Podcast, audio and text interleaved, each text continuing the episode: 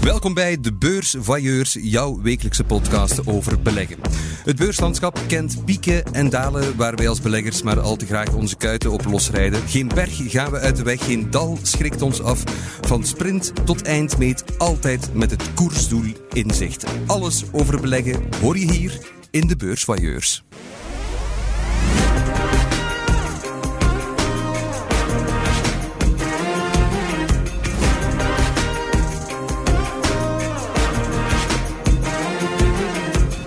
In ons beurspeloton vandaag Ellen Vermorgen van de Tijd en Simon Renti van de Belegger. Welkom allebei. Hey, dag allemaal.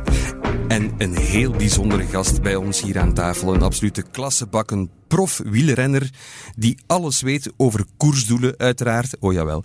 Hij kreeg door zijn reputatie de bijnaam van de ontsnappingskoning en verzamelde meerdere bergtruien, won etappes in alle drie de grote rondes, onder meer de rit naar de Mont Ventoux in de Tour van 2016, maar ook in de Giro. Het is allemaal niet op te sommen in deze bescheiden intro. Welkom, Thomas de Gent. Goedendag. Hoe gaat het met jou, Thomas? Heel goed eigenlijk, voor het moment. Dat is mooi. Oei, voor het moment. Ben je nerveus voor om, om hier te zijn? Nee, nee, gewoon nerveus voor, uh, voor het nieuwe seizoen. Ah, oké, okay, ik dacht al. Het, het, is nu een van de gemakkelijkste periodes van het jaar. Drie weken rust gehad en nu gewoon drie weken rustig fietsen. Dus dat zijn de, de leukste periodes. Ja, maar dan begint het terug natuurlijk. En je hebt een tijdje geleden wel een bijzondere opmerkelijke aankondiging gedaan dat dit jouw laatste seizoen wordt.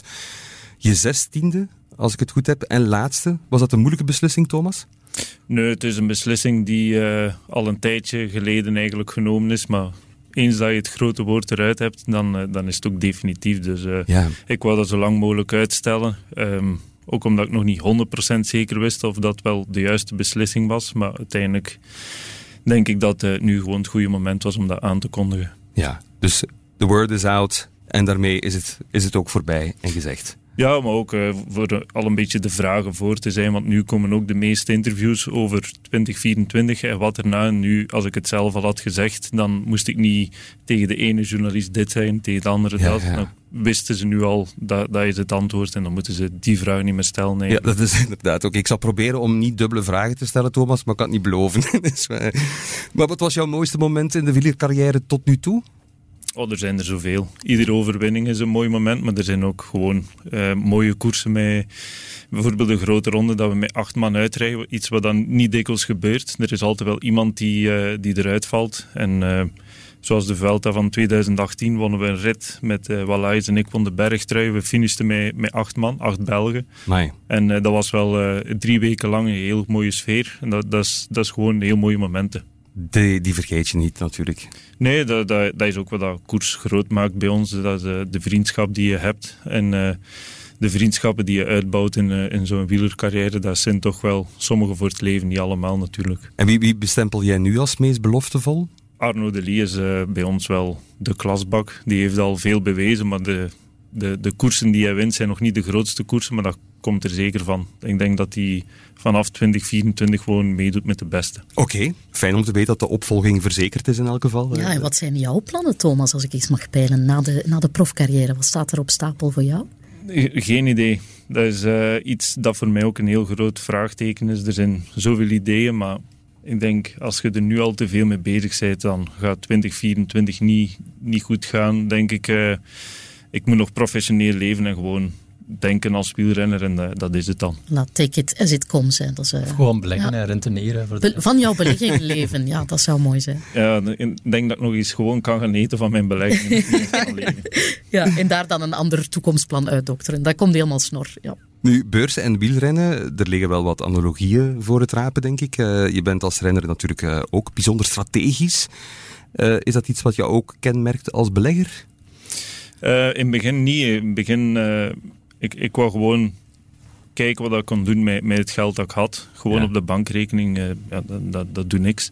Dus ik dacht, ik ga gewoon tien aandelen aankopen en ik ga zien wat dat, dat doet. En dan de, de eerste tips dat ze mij gaven was, je moet dat aankopen en dan laten staan voor zoveel jaar. Maar ondertussen is een van die tien al van de beurs, dat is Telenet. Ja. Dus ik investeer in de goede huisvader aandelen. maar had ik dat nu nog gehad, had ik al 3000 euro verlies. Terwijl ik nu op iets van een 20% winst sta. Dus ik, ik ben, ben ondertussen iets meer geëvolueerd naar verkopen als het, als het genoeg is geweest, als de run hoog genoeg is geweest, dan, dan verkoop ik. En de, de cut your losses, hè, dat is ook een van die dat ik heb moeten leren op ja. de harde manier. Ja, om nog even... dat, dat belangrijk is als sportman om zo aan, aan vermogensplanning te doen. Want je hebt eigenlijk een korte carrière waarin je relatief veel verdient, hangt er van welke sport. En dan ja, moet je dat toch ergens gaan, ja, gaan vastzetten. Of... De carrières uh, kunnen ook heel kort zijn. Sommige renners hebben de pech dat ze na vijf, zes jaar moeten stoppen. Um, en een wielrenner verdient goed zijn, zijn boterham. Dus die, sommige renners die kopen er direct uh, een Porsche mee en die hebben niks als ze stoppen. Maar uh, anderen ja, die, die, die investeren dat slim. En dat zijn de verhalen die je moet oppikken van hoe doe jij dat en hoe doe jij dat. En die ene start een bedrijf, de andere investeert in vastgoed. Sommigen kopen gewoon luxe horloges aan omdat dat in waarde stijgt. Mhm. Dat is iets risicovoller, maar dat, dat bestaat ook. Um, je moet er wel mee bezig zijn, want ja, na, na het koersen is het uh, een lonenpak minder. Uh, we hebben 16 jaar, uh, ik dan 16 jaar, geen werkervaring opgedaan, enkel in het wielrennen. Dus daar zeg je met andere, andere bedrijven niks mee.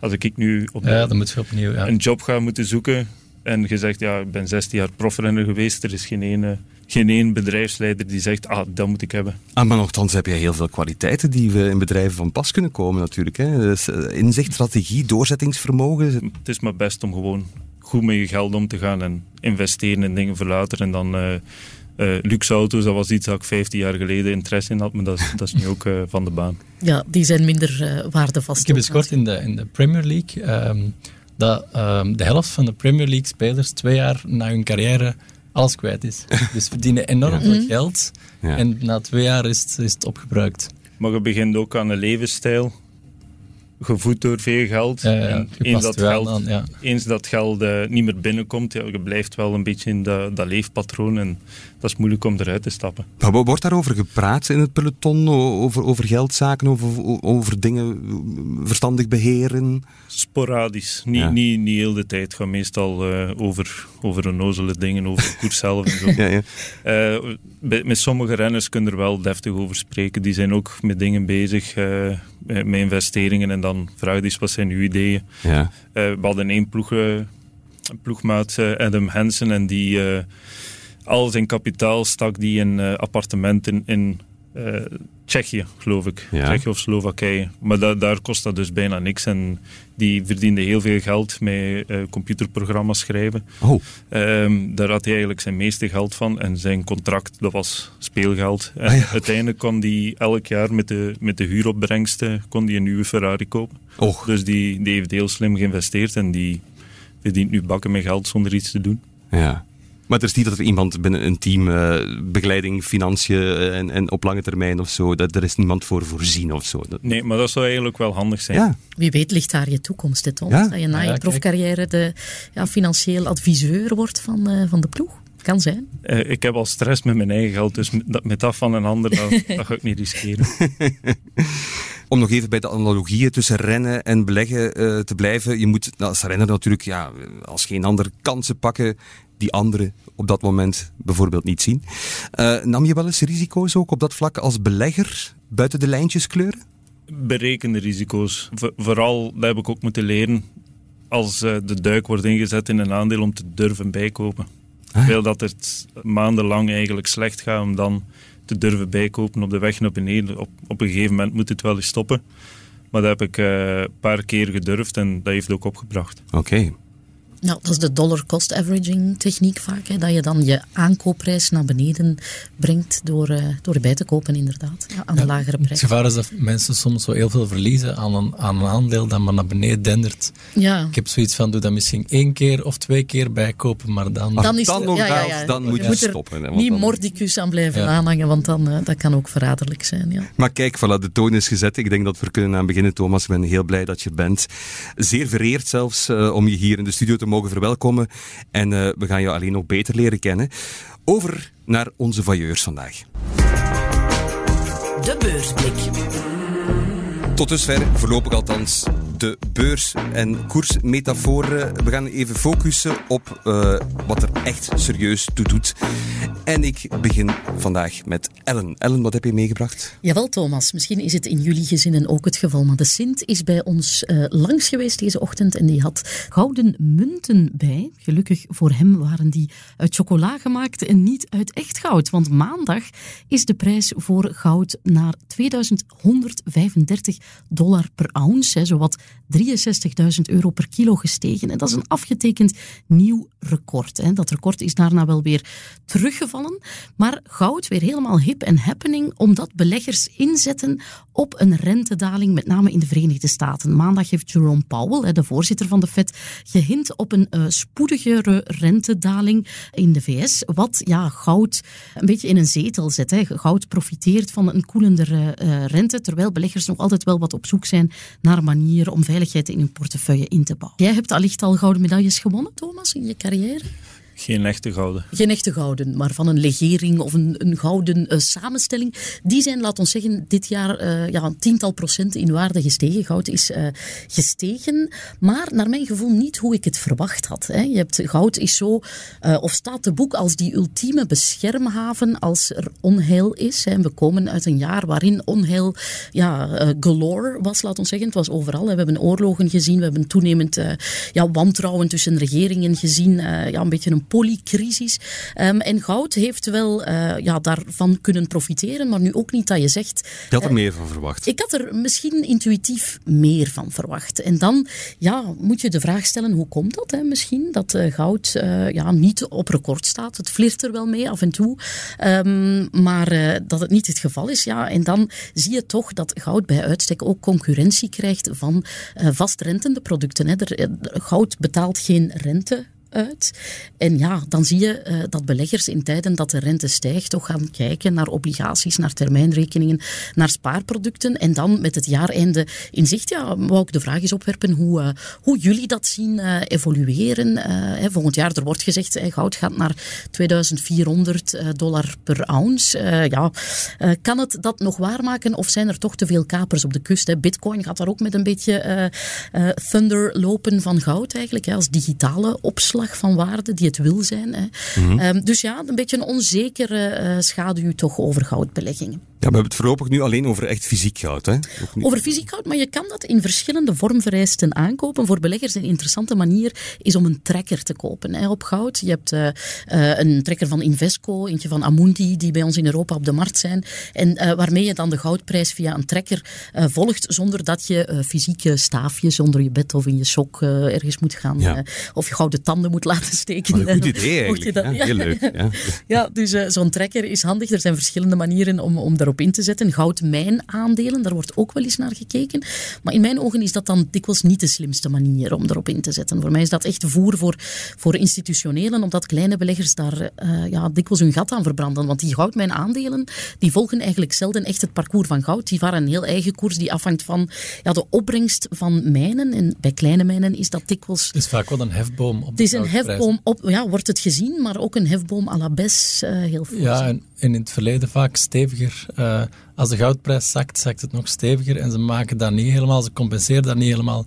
Als je op lange termijn kijkt, heb je het van die grote goudmijnfondsen, waarin je eigenlijk een korf, of een ETF, een korf van goudmijnen koopt dat die toch echt uh, achterblijven op de goudprijs. Mm -hmm. en, en, die hefboom op korte termijn is hier wel. Stel dat je nu bijvoorbeeld uh, dat het jou 1000 dollar per ounce kost om, een, om, uh, om die uit de grond te halen en de prijs stijgt van 1500 naar 2000 dan is voor jou je, je winst verdubbeld. Je gaat van 500 ja. naar 1000.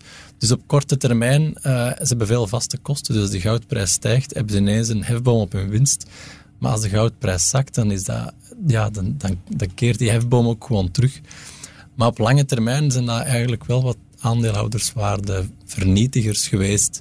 Um, ja, is het met bedrijfsspecifieke problemen natuurlijk. Uh, er zijn in sommige landen ook onteigeningen geweest. Het is vaak in arme landen dat goud gedolven wordt. Mm. Westerse bedrijven komen daar goud uit de grond halen. Dat zien ze daar niet altijd zo graag gebeuren. Uh, ik kan ook de vraag stellen of het zo'n duurzame sector is. Ja, welk maatschappelijk nut heeft dat om, om goud uit de, grond, te halen. ja. bijvoorbeeld in Zuid-Afrika, waar je veel goudmijnen hebt, heb je tegenwoordig stroomonderbrekingen. En een van de eerste dingen die ze afzetten, die goudmijnen, die moeten als, als eerste eigenlijk uh, worden die zonder stroom gezet. Wat natuurlijk maatschappelijk niet zo'n belangrijke sector is. Dat is niet essentieel. Net zoals bitcoin minen eigenlijk. Ja. Dat, ook, dat kan je dan ook stilleggen. Dus ja, mensen die altijd die goud toch wel een saaie belegging vinden en die gaan op zoek naar goudmijnen of bijvoorbeeld zilver, is ook dat eigenlijk volatieler. Het beweegt een beetje mee met de goudprijs, maar is eigenlijk volatieler, maar net hetzelfde. Op lange termijn blijft die achter.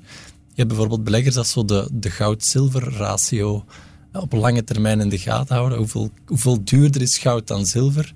Zeg, als, die, als die ratio te groot wordt, dan moet je zilver kopen op lange termijn is dat eigenlijk een gegeven. Zilver is wat zijn, zijn monetaire rol aan het lossen. Ook centrale banken kopen het ook niet meer echt.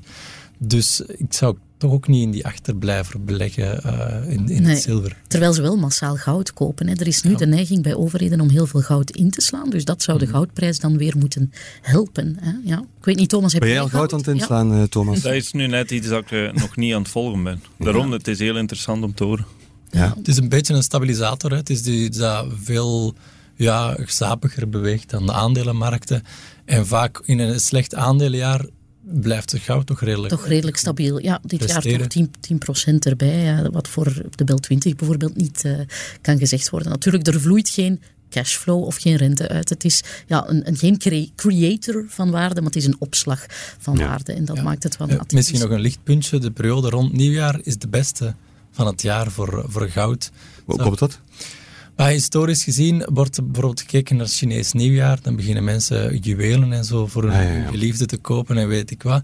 Uiteindelijk is het een soort van self-fulfilling prophecy. Omdat veel mensen dat denken, beginnen ze in december goud in te slaan en dan, dan krijg je dat ook. Het is een soort van zelfvoedend effect. Maar historisch gezien, ja, ja, tot van half december tot half januari, dus de periode die eraan komt, is historisch gezien ongeveer de beste periode dus als je ermee wilt beginnen, is misschien nu geen, geen slecht moment. Van rond Sinterklaas hè, toch die goudprijzen in de smiezen houden. Alleen te stopen dat, uh, dat er een goudstaaf in jouw schoentje zit dan, hè, Thomas? Dus, uh... Dan moet ik zelf Sinterklaas spelen. dat, dat dan weer wel. Wat heb jij voor ons meegebracht, Thomas? Uh, de, de fusie die er uiteindelijk niet is gekomen tussen Jumbo-Visma en Quickstep. Ja. Dat, dat toch frappant is dat twee van de grootste wielerploegen meest succesvolle wielerploeg van dit jaar, dat die al bijna moeten samengaan, gewoon uit uh, geldgebrek. De, ik weet niet eigenlijk of dat echt geldgebrek was, het is eerder eh, uit uh, gezamenlijk interesse en uh, blijkbaar uh, Bakkela van uh, Quickstep die uh, zijn aandelen wou verkopen. Of mhm. toch zijn belang wou verkopen in Quickstep. Het is raar dat twee van de belangrijkste ploegen zouden samengaan om, om zichzelf te redden. Wat was jouw gevoel toen je voor het eerst van dat plan hoorde? Ik dacht eerst dat dat ging zijn voor 2025, omdat dan meer renners al einde contract zijn. En nu zouden er uh, 20 renners op straat belanden, plus 60 man personeel. En uh, ja, dat legt ook een beetje problematiek bloot van uh, de sponsoringen bij de wielerploegen. Bijna 100% van het geld in een wielerploeg komt uit sponsoring. Ja tegenover voetbal, uh, een voetbalploeg die heeft uh, ticketverkoop, shirtverkoop, dat is bij ons uh, verwaarloosbaar. En dat dat toch wel ja, toch een, serieuze problematiek wordt. En hoe zou je dat kunnen oplossen, Thomas? Hoe kan je dat diversifiëren? ook ja, gelden gaan vragen aan supporters? Of, of, of, of is er een manier in jouw ogen? Dat is moeilijk ook, hè? zo helemaal gans die route langs de weg af met uh, kleine bijdragen. Ja. ja. dat is net ook zo schoon aan de koers dat dat zo is. Ja, dat is waar. Dat maakt het de volkssport. In, in de eh, cross is het zo, hè? dan moet je vaak betalen met een kleiner parcours. Ja, dat kan je, dat kan je behappen. wielrennen is het moeilijker, denk ik.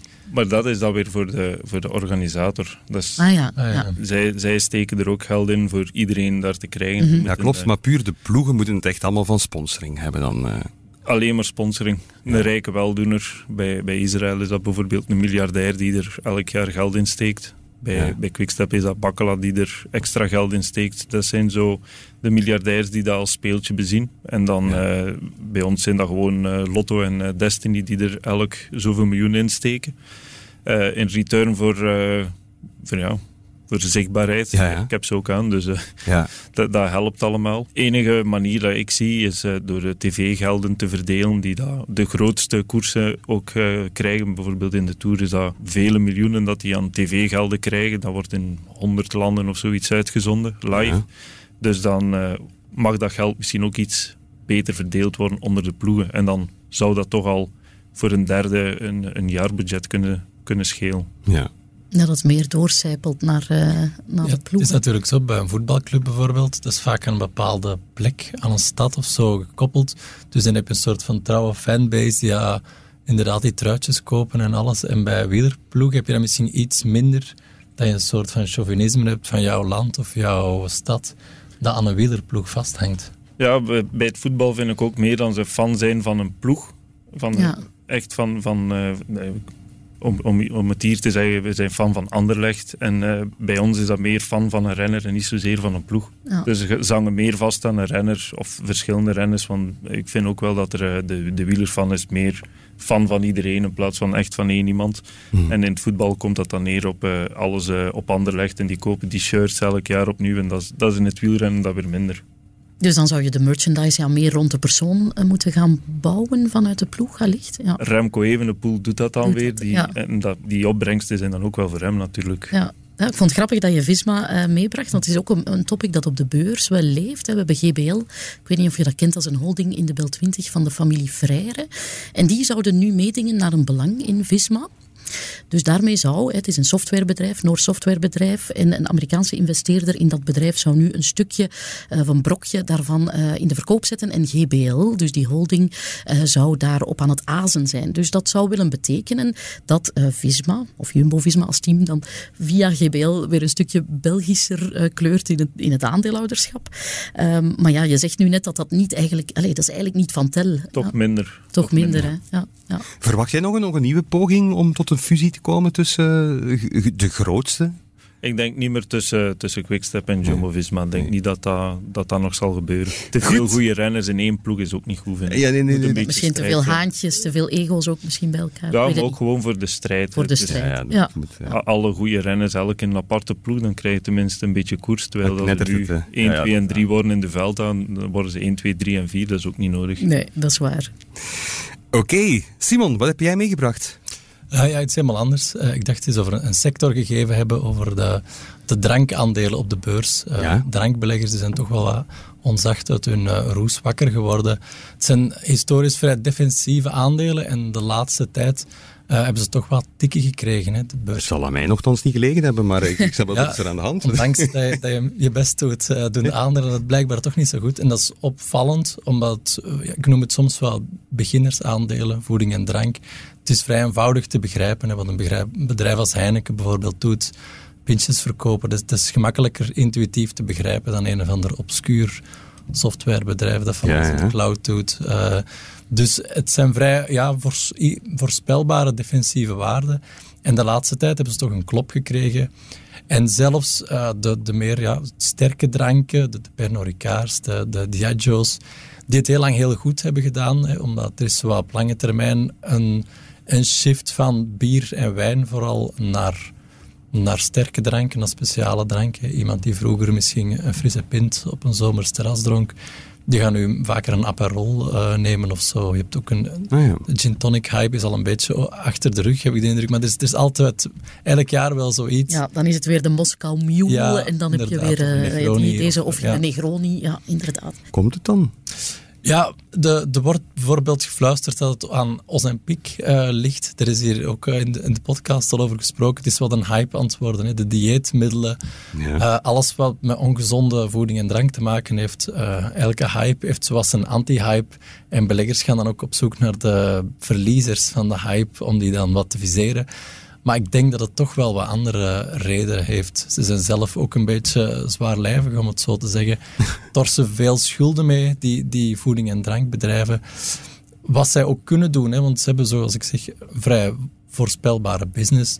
De prijs van een pintje gaat minder fluctueren dan de, de koperprijs of weet ik wat. Dus je kan je wel wat schulden veroorloven, maar je rentebetalingen vrij gemakkelijk kan voorspellen dat je die, dat je die kan halen. Maar wat je eerst zag, is de, de rente is opgeveerd, maar nadat de inflatie hard was opgeveerd. En wat die drankbedrijven hebben gedaan, die hebben gewoon hun, hun flessen whisky en vodka allemaal een pak duurder gemaakt.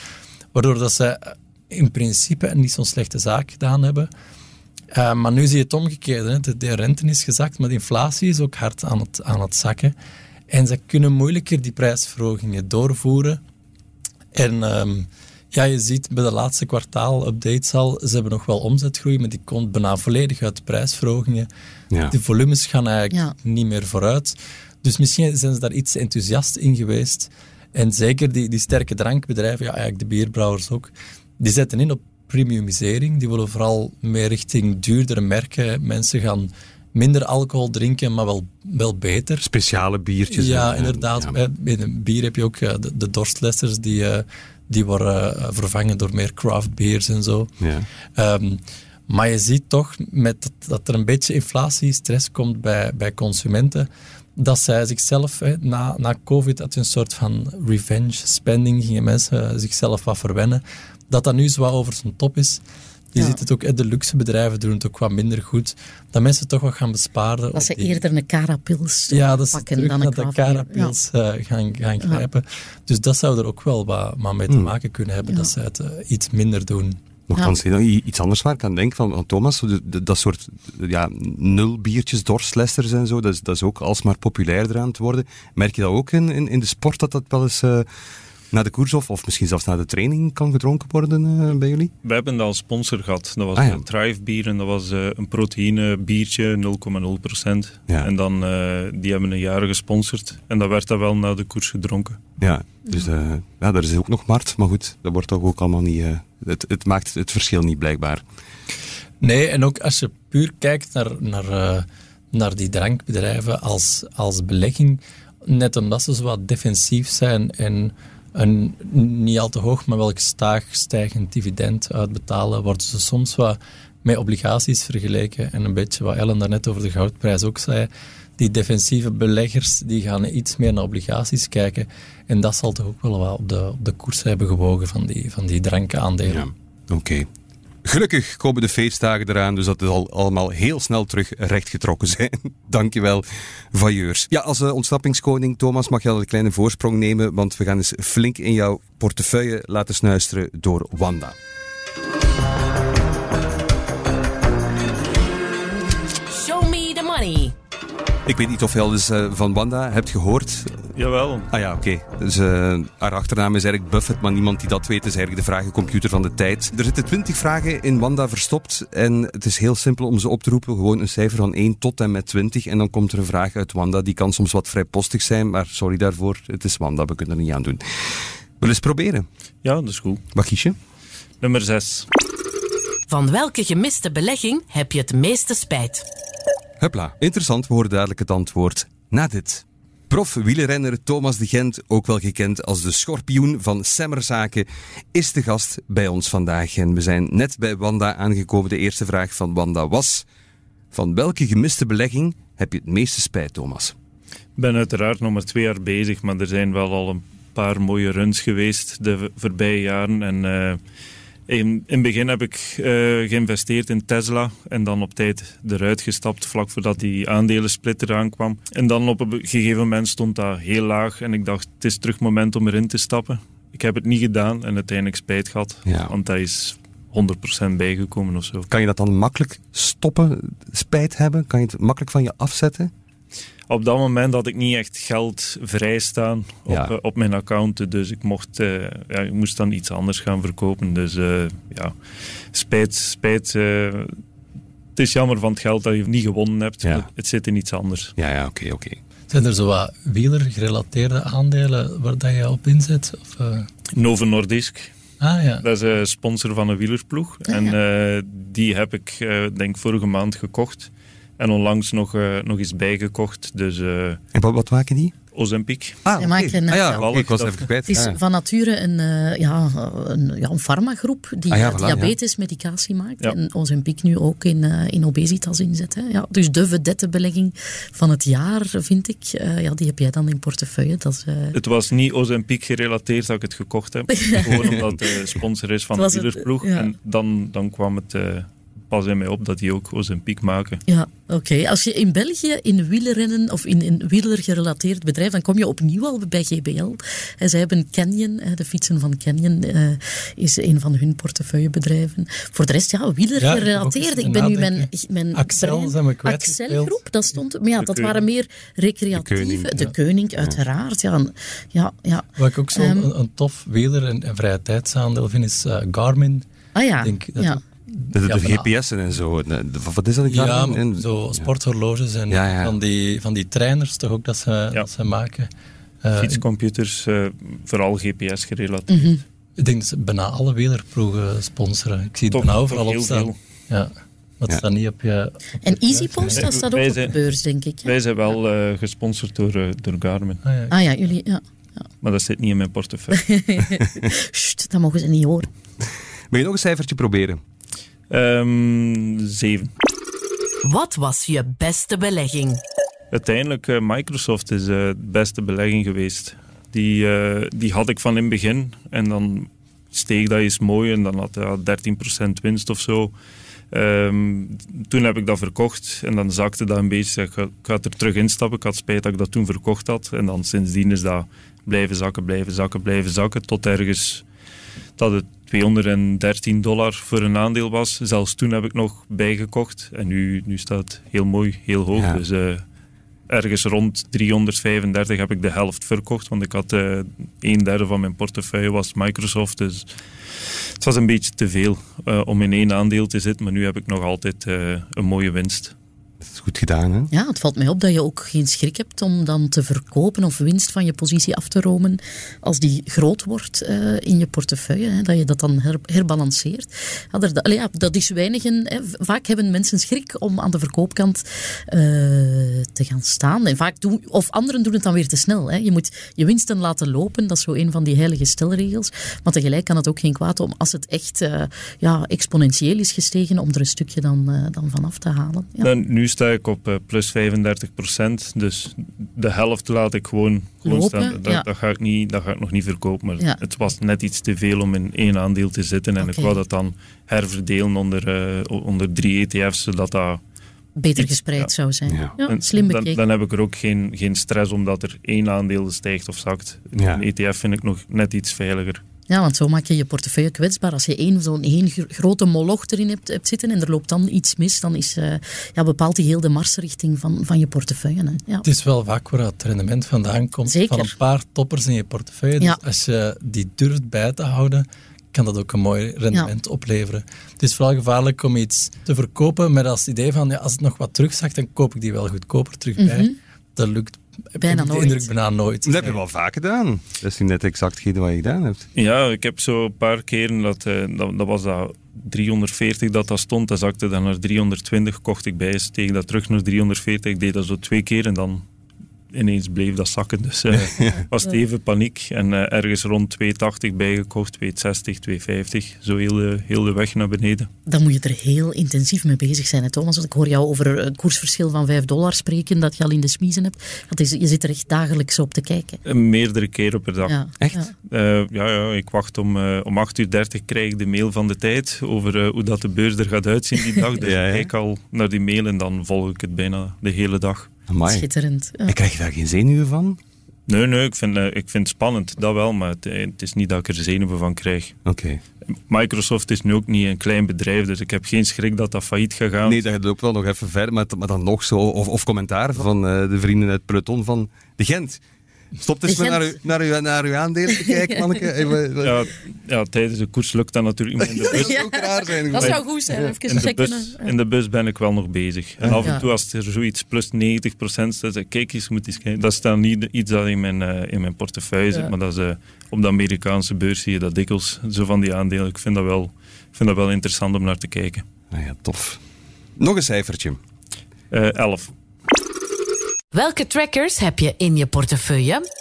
Het zijn eh, twee heel normale. De gewone, die, S&P 500 volgt. En dan een tweede die uh, ja, voor de luisteraar, Thomas de Gent haalt hier zijn broker-account boven, dames en heren. We gaan zelfs eens kunnen spieken. We gaan dat hier... Alles wordt hier meteen op tafel Alles wordt hier op tafel gezwierd. Dus hij is Echt voor de eerste keer in de, in de geschiedenis van de beurs van je uh, MSC World zit ik dan ook in. Eurostox Quality Dividend, dat dan... Europese dividendaandelen. Ja. En dan uh, Vectors, AMX, UKITS.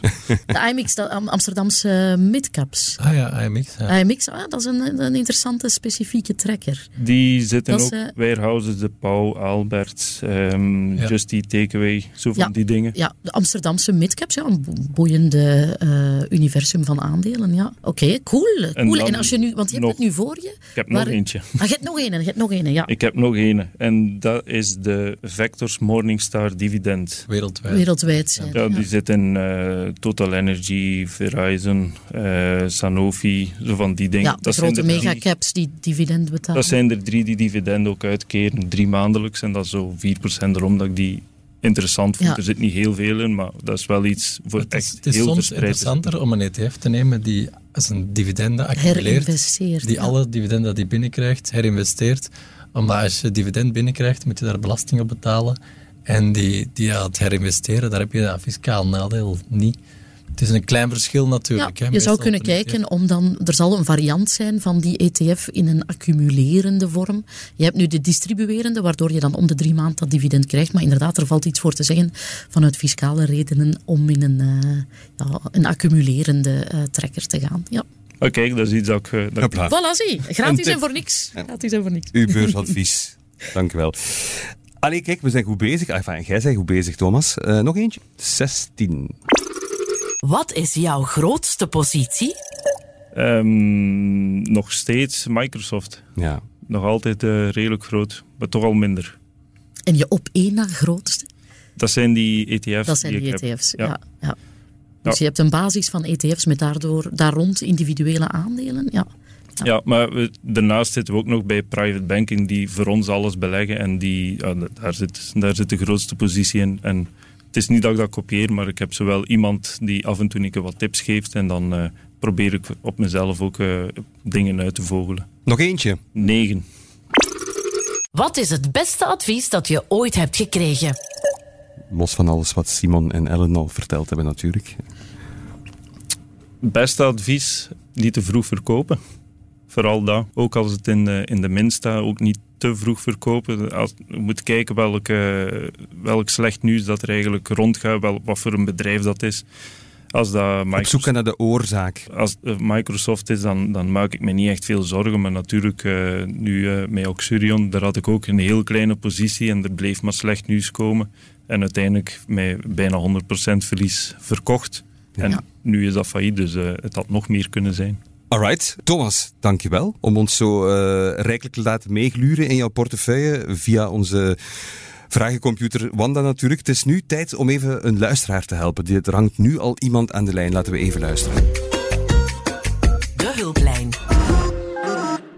Slapeloze nachten door beleggerszorgjes. Laat het niet aan je hartje komen. Eén adres, de beurs Voyeurs. Natuurlijk, we helpen je heel graag. Het is te zeggen, onze specialisten hier aan tafel toch. En zo hebben we ook vandaag iemand die we hopelijk van een goed antwoord kunnen voorzien. Dat is Milan. Dag Milan. Hallo. Beste Milan. Alles prima. Hoe gaat het met jou? Alles goed. Fantastisch. En toch heb je een vraag. Ik ben heel benieuwd. Wat wil je graag weten? Ik had een vraag over het aandeel Cofinimo. Ik volg het al een uh, tijdje en ik zag dat de koers op twee jaar van 140 euro per aandeel naar ongeveer 60 euro per aandeel is gegaan. Ik heb wat research gedaan en Cofinimo had zich vooral bezig met kantoorgebouwen. En werkgevers vragen aan hun werknemers om steeds meer van thuis uit te werken of minder naar het kantoor te komen, omdat dat heel wat kosten bespaart. Mm-hmm. Maar ik vroeg me dus af of dat die koers zich ooit niet volledig daarom, maar gedeeltelijk kan herstellen. Bovendien zag ik ook een uitspraak van de CEO van Montea, Jo de Wolf. Die zei dat we momenteel niet in een uh, vastgoedcrisis zaten. Maar ik vroeg me ook af of dit geldt voor Cofinimo. Oké. Oké, Milan, bedankt voor je vraag. Waar heb je die definitie van Cofinimo uh, gelezen? Want die lijkt me erg gedateerd. Inderdaad, je hebt gelijk dat het aanvankelijk een kantorenspecialist is, maar over de jaren heen is het eigenlijk uh, meer een zorgspeler geworden. Zij transformeren van een kantorenspeler naar een verhuurder van zorgvastgoed. En uh, ja, dus ze zijn niet meer puur blootgesteld aan de kantorenmarkt, waarvan je gelijk hebt hè, dat dat nu niet de meest hip en happening deel van de vastgoedmarkt is, dat is zeker waar. Maar uh, Cofinimo is een gemengde speler en eigenlijk meer een zorgspeler. Zij willen evolueren zelfs naar 80% van hun portefeuille in zorgvastgoed, omdat zij op die manier ook van een gunsttarief, ik weet niet of je dat weet, maar als je als uh, verhuurder van vastgoed 80% in zorgvastgoed hebt zitten, dan kan je genieten van 15 in plaats van 30% roerende voorheffing. En Cofinimo uh, werkt daaraan om dus steeds meer die zorgstempel te verhogen en die kantoren uh, af te bouwen. Ze hebben onlangs nog een aantal uh, panden verkocht en dat is gelukt uh, ja, op de boekwaarde of ietsje erboven. Dus bemoedigend, hè, want je zegt het, het gaat nu niet erg goed in, in de vastgoedsector en dat heeft die koers inderdaad parten gespeeld. Hè. daar heb je gelijk in. Het is heel fors teruggevallen door de rentestijging die voor vastgoedbedrijven heel kwalijk is geweest. Een bocht lijkt daar toch wel enigszins ingezet nu dat de rente ook een beetje kalmeert. Ik weet niet of Simon daar ook nog ja, dat klopt. Het is, het is fors teruggevallen, zoals veel vastgoedvernootschappen. Maar het is belangrijk inderdaad te zeggen van ja, er zijn verschillende segmenten en sommigen hebben beter stand gehouden, bijvoorbeeld logistiek vastgoed. Hè. Inderdaad, Montea, die zeggen we zien geen vastgoedcrisis. Ze zitten echt in die warenhuizen, in die opslagplaatsen. Die profiteren van e-commerce, heel hoge bezettingsgraad. En kantoren doen het wat minder. En Cofinimo zit zo nog ongeveer een kwartje in, in kantoren. Het is wel waar wat Ellen zegt. Ze hebben om hun schuldgraad af te bouwen en om, om meer richting zorgvastgoed te gaan, kantoren afgebouwd. En op dit moment is het inderdaad wel zo dat die prijzen, het zijn geen bradeerprijzen, uh, dat ze hebben moeten, moeten toestaan. Dus op zich lijkt inderdaad die evolutie wel daar. En Um, we moeten nog een beetje zien hoe dat de, de, regulering um, evolueert. Want die drempel, 80 procent, ik denk dat vroeger minder was dan 80 Het is 60 geweest en de fiscus heeft in twee, dus ja, vadertje staat, je kan hem nooit voorspellen, heeft in 2022 beslist dat het naar 80 moest en heeft daarmee de Cofinimo-belegger uh, ja, stevig uh, uh, liggen gehad eigenlijk, of bij zijn pitje had. Ja. ja, maar het is inderdaad wel de moeite, hè, want 30% of 15% roerende voorheffing, ja. het maakt wel een verschil. misschien ook nog vermelden dat zorgvastgoed ook niet helemaal zonder problemen is. Ze hebben een tijdje met um, een overaanbod gezeten. Nu is er terug, zijn er terug erg tekorten en lange wacht rijen voor, voor uh, wachtlijsten voor, voor, uh, voor zorginstellingen. Ja. Maar ik vind het super cool, Milan, want ik hoor dat jij uh, nog maar 18 bent, wordt er hier mij verteld. Bij Cofinimo, het is een aandeel waar ik een beetje een boontje voor heb, omdat die, ik woon in de Brusselse Noordrand en dat is eigenlijk hun bakermat. Hè. Ze zijn daar in de Woluwes, laat ons zeggen, en in Everen, waar dat ik woon, daar ligt hun, hun ja, hoe moet ik het zeggen, hun historische bakermat. Maar ze hebben een beetje een naam om wat een saaie vastgoedvernootschap te zijn. Dus als zij gaan horen dat er een 18-jarige luisteraar van de beursvailleur. Dat kan misschien helpen. Is, ja, dat, allez, ik denk dat ze daar in, uh, in Woluwe uh, een gat in de lucht springen. Dat er uh, ja, dus ook jonge mensen bij dat mooie historische aandeel dat we al zo lang in de Bel 20 hebben, ja, daarbij stilstaan. En wat ook tof is aan Cofinimo, dat is het laatste wat ik erover ga zeggen, is dat je niet alleen kantoren en oude ouderlingen te huizen koopt, maar ook cafés en bars. Ja, zij hebben destijds de portefeuille overgenomen, de vastgoedpoot van AB InBev. En daarin zitten een 200 honderdtal bars in België, Nederland, Frankrijk. Dus als je uh, eigenaar bent van Cofinimo, heb je ineens ook 200 cafés. Dan zijn de cafébaas. Uh, ja, dat is maar een klein deel van hun portefeuille, maar het is, ik vind het een leuk weetje. Hè? Milan, heb je, heb je nog vragen? Wat was het een bevredigend antwoord voor jou? Ja, het was echt heel interessant. Wat ga je uh, doen? Ja, toch eens goed overwegen, maar ik heb, ik heb mezelf voorgenomen dat ik wat meer moet spreiden in mijn portefeuille. Maar deze, ja, ik heb vooral vastgoed momenteel, vastgoedvernootschappen. Dus. Oké, en heb je die al lang? Uh, ik heb uh, Montea onlangs gekocht en Extensa sinds vorig jaar. Oké, ja, oké. Je hebt een, een, baksteen in de maag, een echte Belg hè, voor zo'n jonge kerel. Niks um, dan ben je een beetje onze huisbaas. Dan ben jij onze baas, Milan. ja, dan moeten wij aan jou huur betalen, want wij huren van Extensa hier de mooie uh, kantoren van de tijd en de belegger op Toer en Taxi. Ja.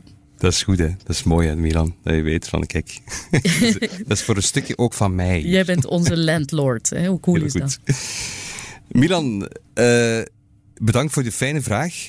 Als je in de loop van tijd nog vragen hebt, niet opkroppen. Dat zou zeer ongezond zijn. Je weet ons altijd te vinden, podcast.tijd.be. Oké, okay, dank u wel. Hè. Met dank je wel. Heel fijne dag. Dank je wel, Milan. Goed, genoeg stilgestaan bij deze week. Tijd om vooruit te blikken naar volgende week. De blik vooruit. Simon, waar kijk jij naar uit? Ja, het beursjaar zit er bijna op. Dat is toch altijd wat een, een speciale periode. Uh, men spreekt dan altijd over de eindejaarsrally. Daar zitten we toch wel echt in, zeker. Het is een soort van everything rally. Hè. Alles, dat, de obligaties waren al een tijdje het goed aan het doen. Uh, aandelen stijgen. We zien ook dat, dat de small caps, de kleintjes, hè, die, die hebben een echte inhaalbeweging dat ze, dat ze toch wel aan het maken zijn tegenover eh, de grote. En dat wordt een beetje uitkijken of die rally zich, zich voortzet. Hè. We zien, we hebben een record met goud gezien. Uh, de cryptomunten, bitcoin, uh, lijkt ook uh, dezelfde weg op te gaan. Dus dat wordt de komende weken interessant om, om naar te kijken. En het is ook wat de periode van de eindejaarslijstjes. analisten komen met een vooruitblik, ook economen op volgend jaar. En bijvoorbeeld in de tijd ook geven wij altijd een, een, een hele ja, een consensus van eindejaarslijstjes van de analisten eigenlijk mee. voor enkele aandelen kan u misschien inspiratie doen enkele aandelen die u onder de kerstboom eh, mag leggen. Dus dat is uh, zeker interessant om naar uit te kijken. Ja, Simon, ik ben het volstrekt met jou eens. Ja, het zijn de weken waarin we onze lijstjes opmaken voor volgend jaar. Hè. En wij bij de tijd inderdaad doen hetzelfde. We doen jaarlijks een, een heel grote rondvraag. Ik durf met enige fierheid zeggen dat het misschien wel de grootste rondvraag is die er in België gebeurt. Namelijk bij een vijftiental beurshuizen en beleggingsbladen met hun gouden tips voor 2024. En dat levert altijd heel veel inspiratie op. Al moet je toch ook vaststellen dat voorspellingen niet altijd uitkomen. En vorig jaar uh, waren Deme, Akkermans en Van Haren en Barco de Belgische favorieten. En zij hebben alle drie uh, ja, echt een beroerd beursjaar achter de rug. Um, maar het is altijd fijn om te kijken wat er kookt in de hoofden van de analisten. zowel wat hun binnenlandse als hun, hun buitenlandse favorieten betreft. En nu dat we toch met tips aan het strooien zijn, beste heren, toch een warme tip om ook te kijken naar de week van de tips. tips overal. de VFB doet elk jaar zijn week van de tips, waarin je een hele week lang uh, tips kunt sprokkelen bij beleggingsprofessionals. dus uh, ja, inspiratie galore, zou ik zeggen. Oké, okay, dankjewel. Thomas, tenslotte jij. Waar kijk jij naar uit? Uh, gewoon het nieuwe seizoen in het algemeen. Het is mijn laatste seizoen op, op dit niveau.